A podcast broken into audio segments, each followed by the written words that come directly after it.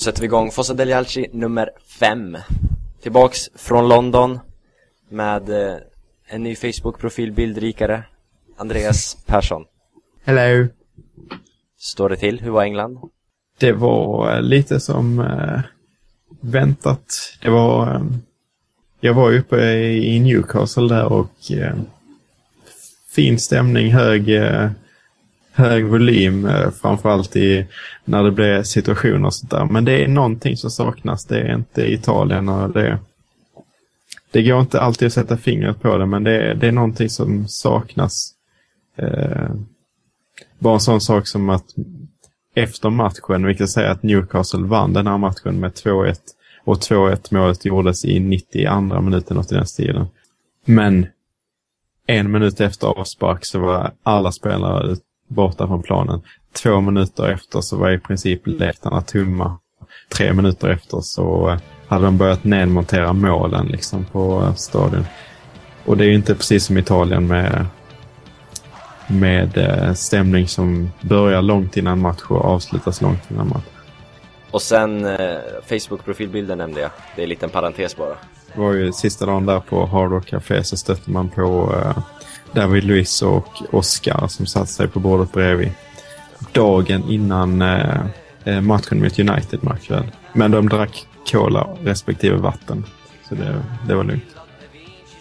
I dagens avsnitt tänkte vi snacka en del om formationer, det är ju våran grej Det blir ja, snack om Champions League Mycket snack om Bojan faktiskt Katalanska fenomenet. Så då börjar vi, Fossa de Alci nummer 5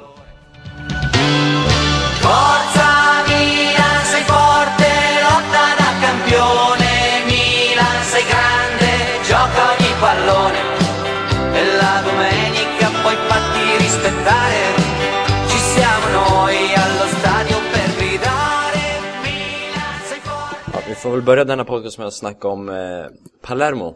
En match vi inte har snackat om än, eftersom vi är lite sena med denna podcast. 2-2 blev det på La Favorita efter en upphämtning. Och precis som vi har eh, mer eller mindre snackat om hela säsongen är det ju formationerna som är i fokus. Allegri formerar ju ännu en ny, form, eller, ny sifferkombination till den matchen Med eh, ett 3-5-2 som vi snackade lite om förut. Vad tyckte du Andreas om 3-5-2? Jo, men jag tyckte det såg väldigt bra ut. Eh, vi har ju snackat om eh, det här med att utnyttja resurser och så på bästa sätt. Och, eh, sen tidigare så har jag ju sagt att jag inte är helt eh, emot den här trebackslinjen för att det har gjort att laget har spelat rätt och bra. Och eh, jag gillar om man ställer eh, 3-5-2 i relation med 3-4-3 till exempel som vi spelar senare så, så gillar jag faktiskt 3-5-2 mer. Eh, för att vi får de tre centrala mittfältarna som jag tycker är väldigt viktigt att ha i, i dagens fotboll. Det, man ser sällan lag som ställer upp med 4-4-2 och, och, och sådana formationer där man bara har två centrala mittfältare. För oftast så blir man helt överkörd och övermannad på mittfältet med den formationen. Eh, och då såg vi också nu när, då var det Flamini och Nocerino som spelade i första halvlek Precis framför Montolivo. Och det blev liksom nästan som att kolla på amerikansk fotboll där Montolivo agerade liksom quarterback och de Flaminino och Shane liksom skyddade honom så att han kunde spela de långa eh, uppspelen och fick, liksom fick tid på sig att att spela och visa sin kreativitet. Så det är just den tanken gillar jag väldigt mycket. Och det är, där kommer man tillbaka till den där mittfältstriangeln som Allegri gillar. Och som du gillar att prata om. Ja, Men eh, samtidigt om jag får säga emot dig så släppte Milan in två mål med den formationen. Och det här, Allegri hävdade ju samma sak att de ville matcha Palermos tre man mittfält med tre egna mittfältare. Men det gick ju inte alls bra rent resultatmässigt. Och Allegri ändrade ju senare till Ja, först 3-4-3 några minuter och sen 4-2-3-1 Ja, jag, jag snackar ju verkligen inte emot 4-2-3-1. Det har ju varit liksom min formation från början innan den blev en formation i Milan. Liksom. Jag har ju alltid velat se den. Men, eh, men om man jämför med 3-4-3 så tror jag mer på den. Eh, nu, om man jämför, Palermo är inte ett högklassigt motstånd på något sätt. Jag hörde att ni i podcasten sa att det var en tuff bortamatch och, och det är det ju till viss del, men man ska komma ihåg att Palermo inte är alls samma lag som det har varit de senaste åren. Eh, De ligger ju på nedflyttningsplats. Eh, Och så vidare. Så det kan hända att eh, ett sånt- 3-4-3 funkar bra när man skulle jaga upp en eh, jaga mot Palermo, men mot ett lag av högre kaliber, kanske i Europa. Så om man ska ha trebackslinje då så tror jag man får backa upp med tre mittfältare centralt. Och jag tror att det kommer att bli bättre när de spelar ihop sig och jag tror också att det kommer att bli... Då, då får man också en plats till Nocerino eller Boateng i en av de rollerna. Eh, om de Jong tar den andra till exempel. Eh, så det, det, det öppnar ju upp för Nocerino eller Boateng då som får spela i en position där de, jag tycker att de pre- kan prestera bra, eller borde prestera bra. Samtidigt så, så, så kommer ju El Shaarawy lite, han har ju presterat som bäst. Antingen i ja, 4-2-3-1 eller 3-4-3 på vänsterkanten då. Eh, Spelar vi med fem mittfältare, eller ja, med tre mittfältare och två yttrar. Eh, är ju ingen ytter, det kommer väl förmodligen Antonini eller Konstant eller dylikt spela. Och så då blir El Shaarawy forward, vilket kanske inte är riktigt lika bra lämpat för honom, jag vet inte. Han får väl en lite friare roll. Det är ju helt rätt och eh, med den formationen då 3-5-2 så hade jag ju sett Emanuelsson som den som spelar som eh, Ja. vänster. Men, men eh, det är helt rätt att eh, El Shaarawy förmodligen inte hade presterat på samma sätt och eh, nu handlar det ju mycket om att få El Shaarawy att prestera eftersom han är så stor del av vårt spel. Eh, så visst, det är, det är en helt klart Mm. Eh, Det är, det är ett bra argument. Och det gör ju att 4-2-3 gör som det är eh, alternativet som ser bäst ut. Men jag gillar det här med trebackslinje, det måste jag säga, för att eh, det ger också alternativ med tre mittbackar i anfall och försvar på fasta situationer. Det ger, en, med Mexes på sidan så ger det en uppspelningsfas, eh, Det underlättar uppspelsfasen. Du har liksom, om det låser sig, om de, någon markerar Mo- eller eh, Montoliva till exempel, så har du, kan du spela ut på Mm. Mexe som söker sig till kanten och kan slå en långboll därifrån och så vidare. Jepes på andra sidan med sin vänsterfot. Båda de två har ju fina fötter så den eh, dimensionen ges också i uppspelningsfasen med en trebackslinje. Så det finns, det finns helt klart eh, bra grejer med en trebackslinje. Men eh, det känns som 4-2-3 är det starkaste. Eh, precis som det jag har varit inne på hela tiden. Eh, att det får, vi får vårt bästa spelare på plan då. Och eh, det verkar ju som att eh, som att det har, satt sig nu någorlunda och jag tror att det är det vi kommer att få se i framtiden. Det kommer inte bli samma rotation på spelsystem som vi har sett senaste matcherna. Ja, vi kan ju glida över mot Kievo. Mm. Eh, om vi håller kvar lite på trebackslinjen. Eh, inför Kievo-matchen så eh, Allegri pratade med pressen som vanligt, presskonferensen. Och han, eh, anledningen, han fick ju lite frågor om, eh, om formationer. Och han uteslöt ju trebackslinjen med argumentet att Daniele Bonera är avstängd och han är den enda som kan lira i mitten. Mm. Trots mängden mittbackar så ser han bara Bonera som potentiell mittförsvarare i trebackslinjen. Mm. Jag skulle gärna vilja höra honom utveckla just den punkten lite mer. För ja, enligt mig så borde Jepes kunna spela där. Eh, ja, vad har vi mer? Acerbi? Ah, men Jepes tycker jag är en fullgod ersättare i mitten också. Jag förstår inte det argumentet heller. Jag skulle gärna vilja att han utvecklar det. Vi snackade ju om det tidigare eh, i en tidigare podcast. Jag sa att jag inte har reflekterat så mycket just över trebackslinjen eftersom det inte har varit aktuellt på för Milan tidigare. Men, eh, och vilka egenskaper som premieras på de olika mittbackspositionerna där. Mm. Eh, det är möjligt att Spanera är den enda som kan spela centralt, men jag, jag förstår inte varför inte Jepes kan göra det till exempel. Ja, men Kevo, det blev fyra backar och det blev fem mål. Eh, så, som du sagt, 4-2-3 kommer förmodligen vi spela med nästa match och även i, ja, vi får se. Förmodligen fortsätter det satsas på den, precis som du säger. Mm. Men Kevo, fem mål, fem olika målskyttar. Eh, kan det vara reflektion på motståndarbackans match? Både Emanuelssons mål och Bojans mål studsar ju på tur, äh, turligt på försvarare. Vilket gav Milan ett rätt bra utgångsläge Mm. inför andra halvlek. Ja, alltså resultatet spelar kanske inte spela, eh, spelet fullständigt, men eh, ja, man, jag tycker vi har förtjänat den här turen nu. Vi har spelat hyfsat bra men inte fått alls resultat med oss. Så jag tycker ändå att Milan förtjänar den här segern och jag tror att det här självförtroendet kommer, kommer att göra väldigt gott för laget. Eh, Kevin Konstant uttalar ju sig in, nej, efter, efter Kevo att återhämtningen i Palermo eh, riktigt var en riktig liksom, moralhöjande, moralhöjare för laget. Trots ett kryss bara mot Palermo, men eh, att återhämta sig och komma tillbaka så där var tydligen stärkte laget mentalt, vilket vi såg mot Kevo.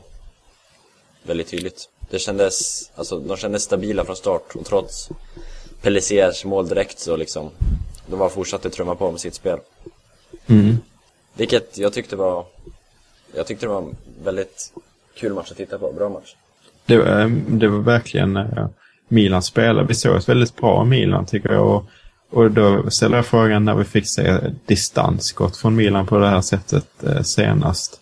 Alltså visst, Cedorf, Pirlo hade fantastiska skott men man såg dem sällan. De sköt ju väldigt sällan. Mm. Det kanske blev mål hela tiden men, eh, men eh, när de sköts, men de sköt så sällan. Nu sköts, skjuts det ju hela tiden och det är bra skott eh, ofta. Eh, och då tänker jag att vi har de här distansskyttarna. Vi har kanske Emanuelsson de Chilio som kan slå inlägg till exempel. Eh, konstant. Nej. Eh, jag måste gå in på konstant nu. Ja, go. Liten avstickare i mitt argument här mitt i. Men han är från Frankrike. Men det är ingen i hela Sverige som har reflekterat över hur man ska uttala hans namn. Eh, verkar det som. Inte från kommentatorshåll i TV4. Inte någonstans, eh, tycker jag. Inte i Fossa del Jalci.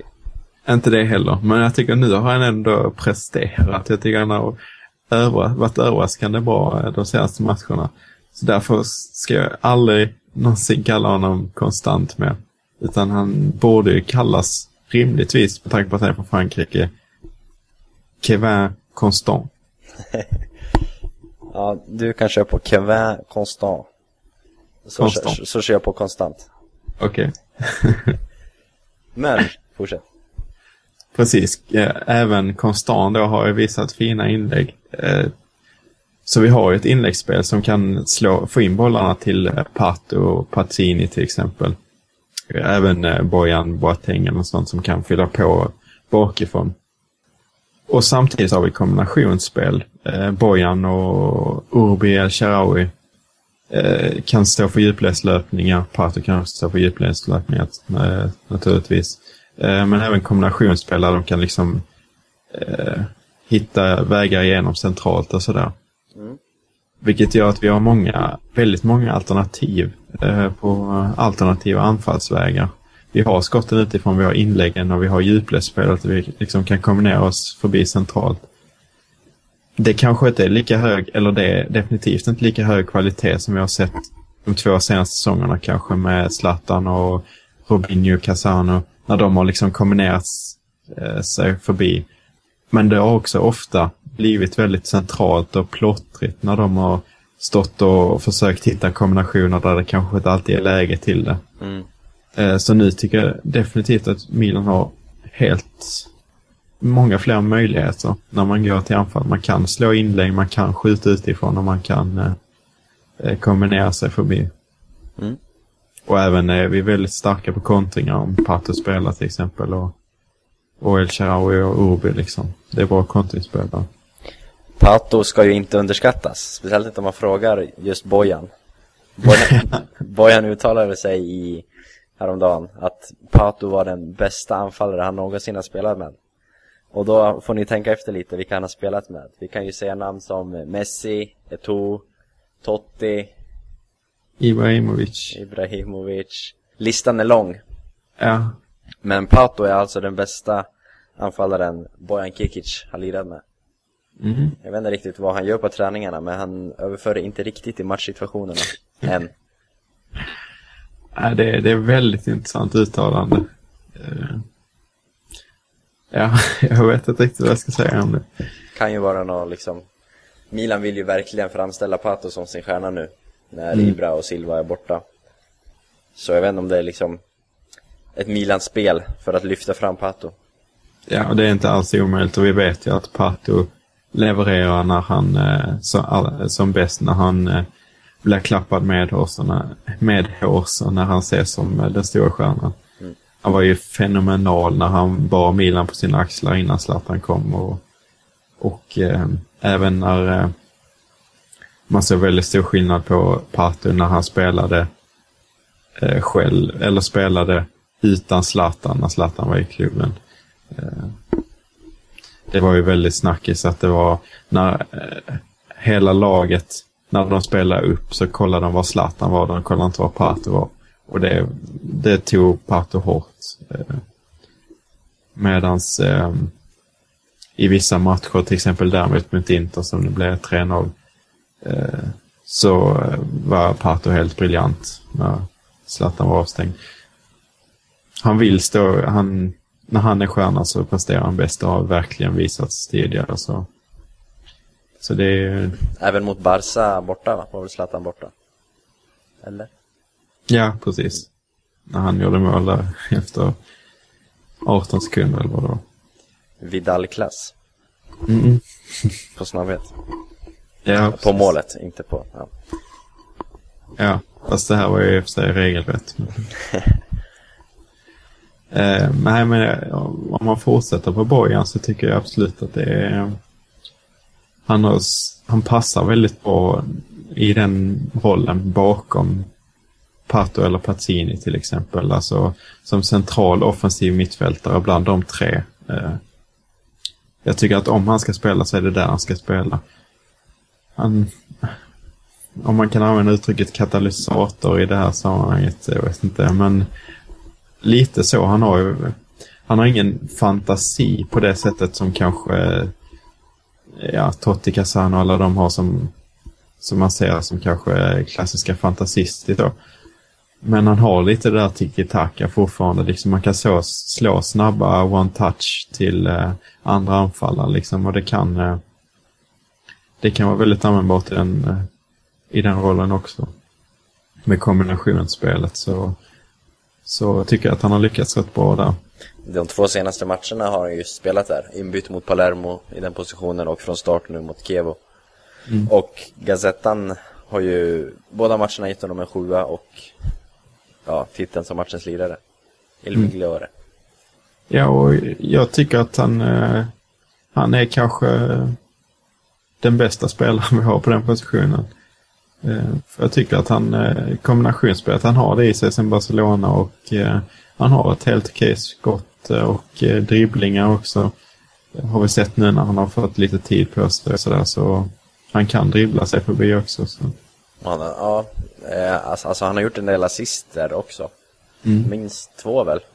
Bland annat i Montolivo nu senast. Nej, det kanske var Urbi. Men han gjorde väl en assist nu mot Chievo. Och även mot Palermo när han väl serverade El Shaarawy. Så det är absolut det.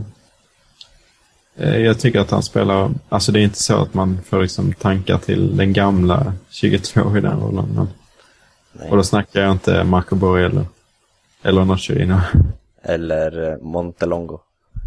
Nej, inte det heller. Ricardo. Ja, precis. Men det, det är inte den klassen han har på sitt passningsspel och sin fantasi och sådär. Men det, det, det är det bästa vi har att tillgå och det funkar helt okej tycker jag. Mm.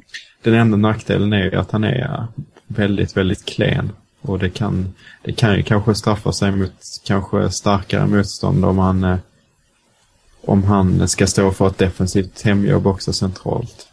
Vilket Ja. han är såklart. Eh, och det är då jag är lite orolig för att de här två ensamma centrala mittfältarna blir lite ensamma.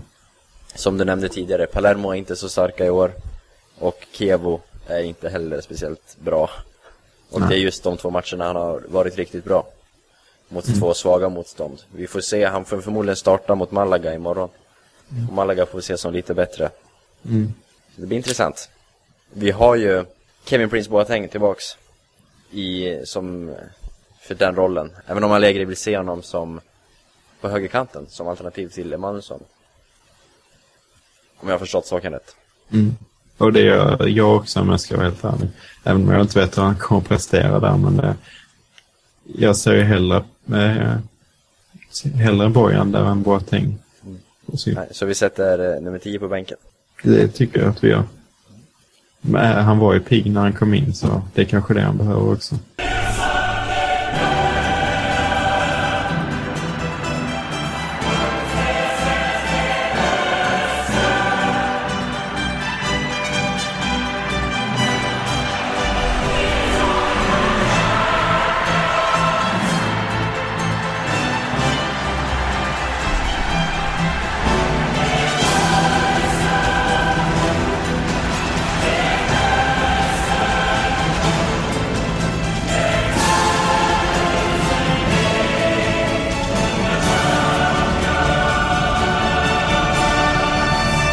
Tisdag möter vi Malaga på San Siro.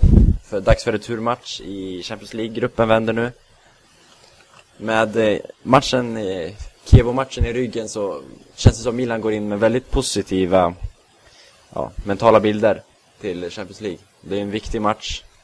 Även om Allegri har sagt att han tror att gruppen kommer att avgöras i sista omgången. När väl Milan möter Zenit.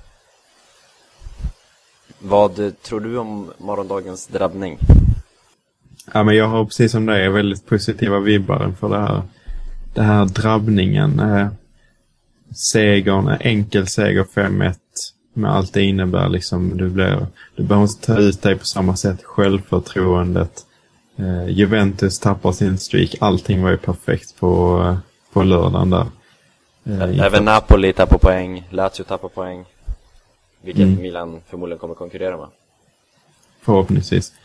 Det, det stämmer. Så det, det är mycket som gick vägen där, kanske förutom att Inter vann, men det var liksom oundvikligt om Juventus skulle eh, bryta sin eh, långa, långa rad av obesegrade matcher.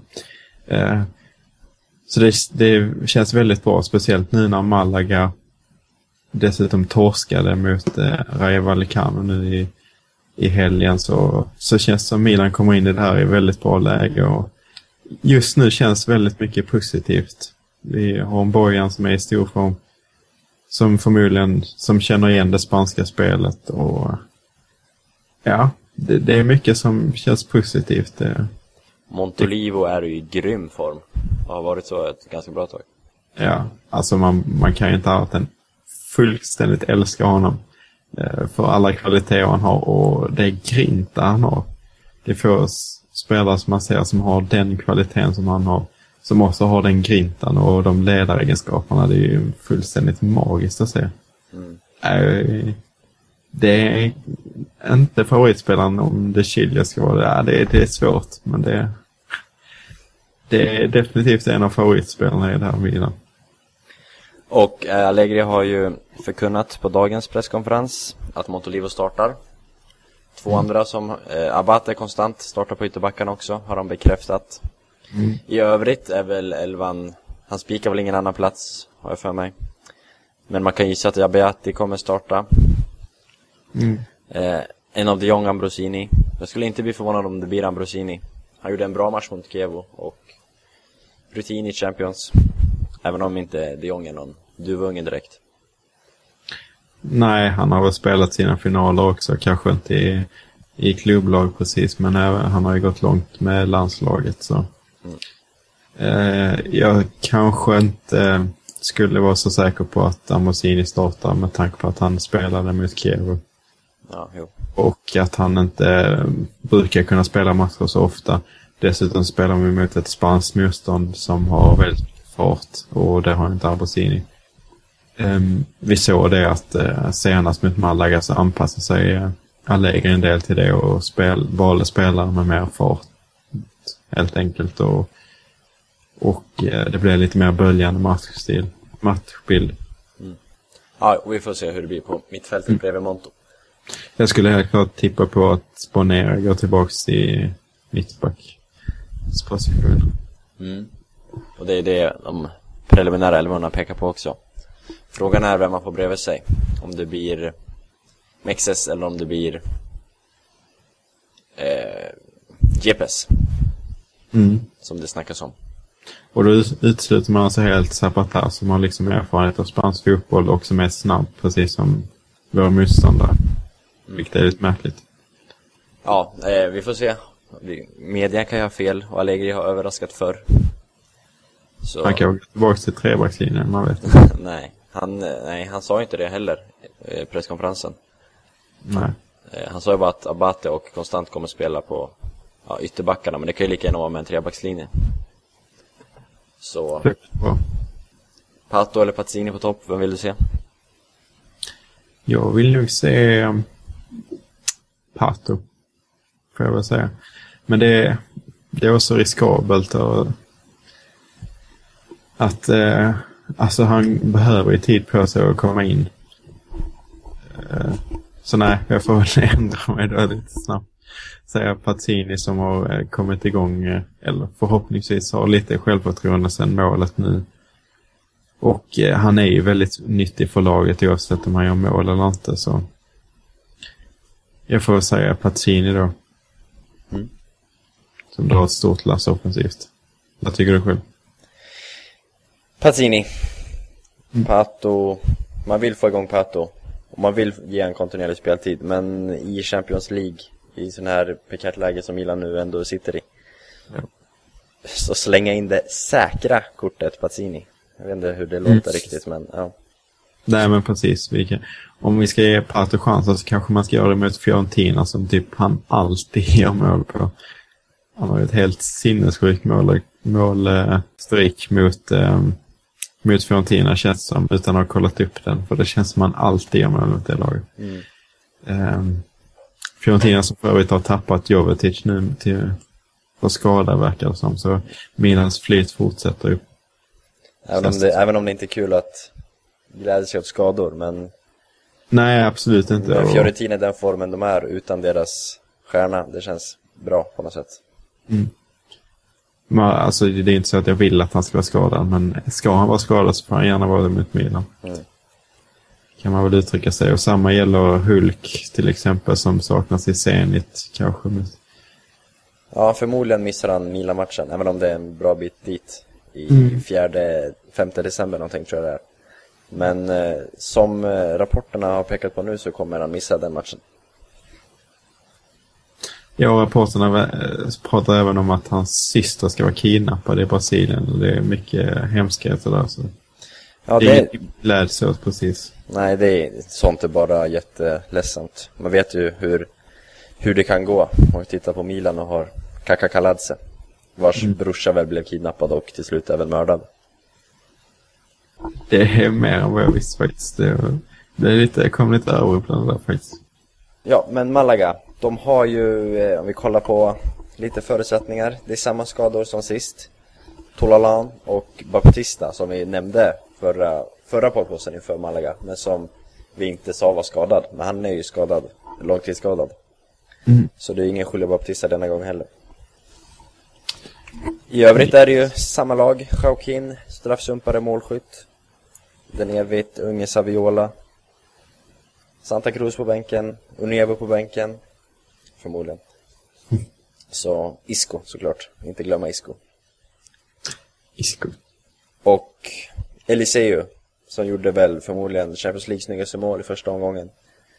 Som du väl rotar lite på, han hade väl kopplingar till Serie A? Mm, gjordes två matcher för, på inhopp för Lazio säsongen 2009-2010. Alltid något. Spelare som är...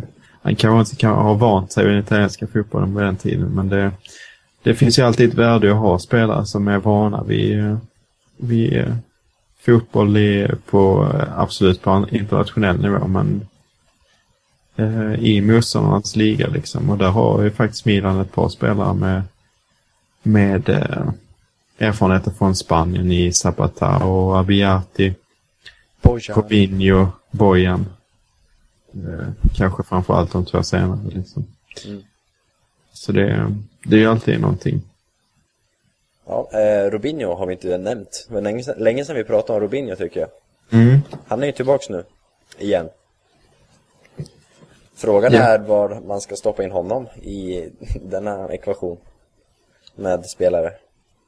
Han, det är ju bänken, han kommer ju starta på bänken oavsett imorgon. Med tanke på att han precis återvänt. Men, Ja, absolut. Men, eh, men, i det- framtiden. ja, exakt. Ja. Vänster är ju spikat till Sharawi. Det är höger, ja. Urbi spelar ju bra nu. Och har gjort så ganska länge också. Mm. Och Bojan, matchens lirare två matcher på raken. Ja, sen så är skador ju inte ha rotationsspelare. Nej, absolut inte, naturligtvis. absolut Men eh, det kanske inte Robinho nöjer sig med.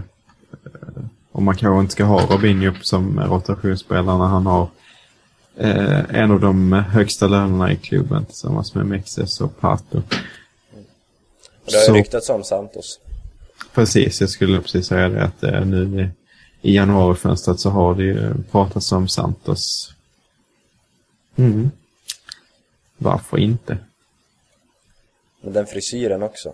Jag vet inte om jag vill ha honom i Milan med den frisyren. Elvis-liknande. Jag vet inte riktigt vad det är för något. Nej, fast ska du med den argumentationen så ser det inte så bra ut för eh, nummer 92. Det är, Inte i min bok i alla fall. det är sant. Jag kanske ska klippa bort där innan så jag inte tar bort mig.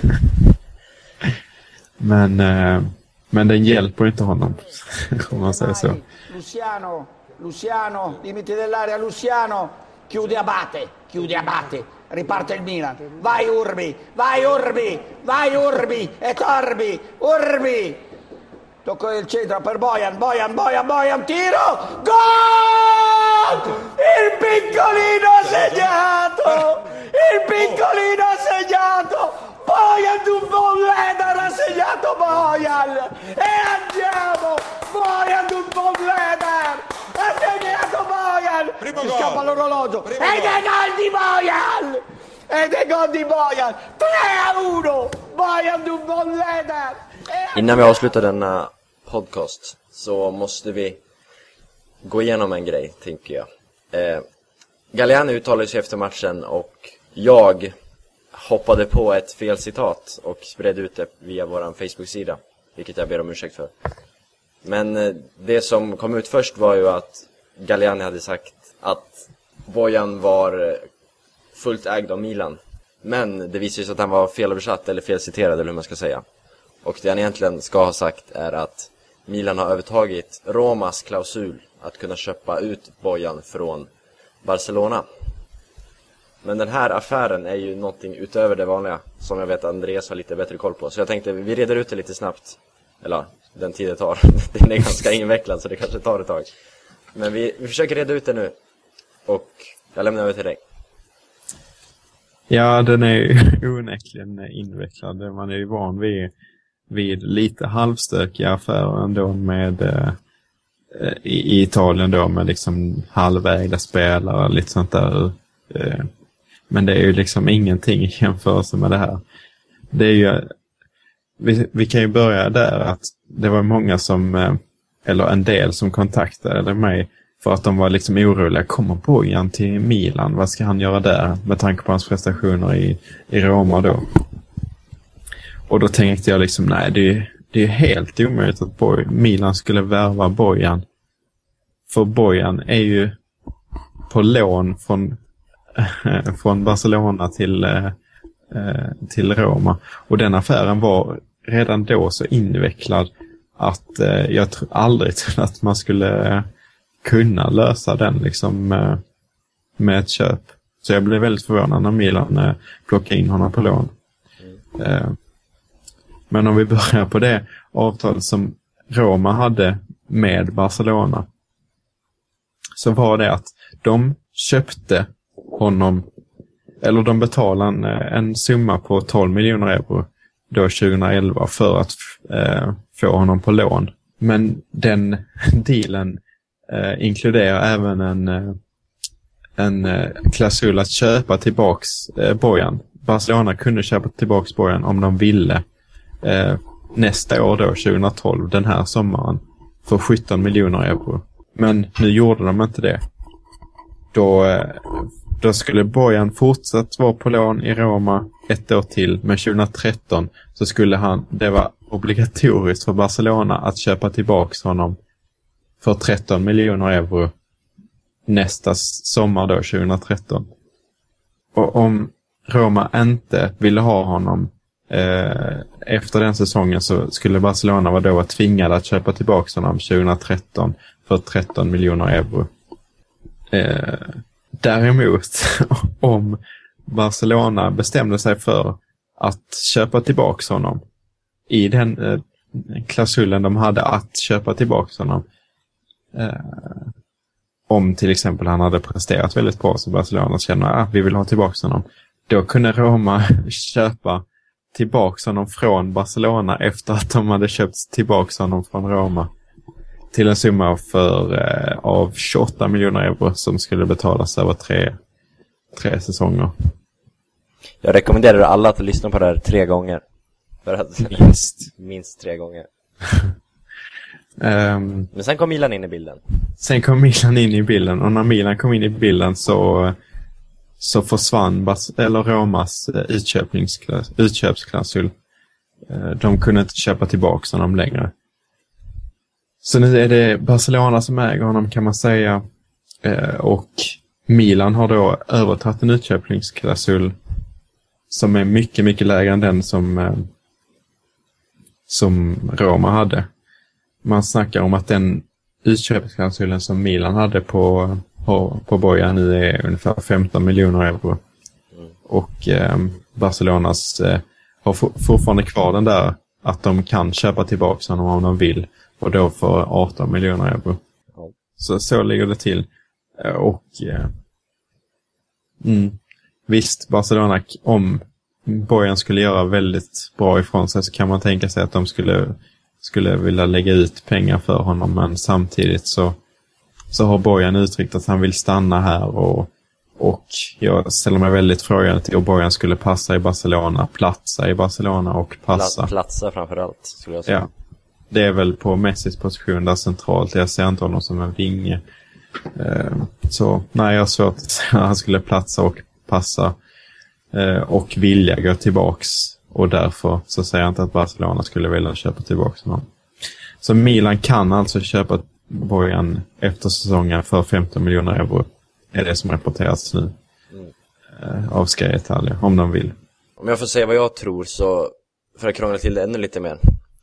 Eh, jag tror ju inte Barcelona kommer köpa, vilja köpa tillbaka Bojan alls efter den här säsongen. Eller vilja ha tillbaka honom. Och genom, då har vi ju Galliani i ledningen. Och han är ju mister förhandla ner priser.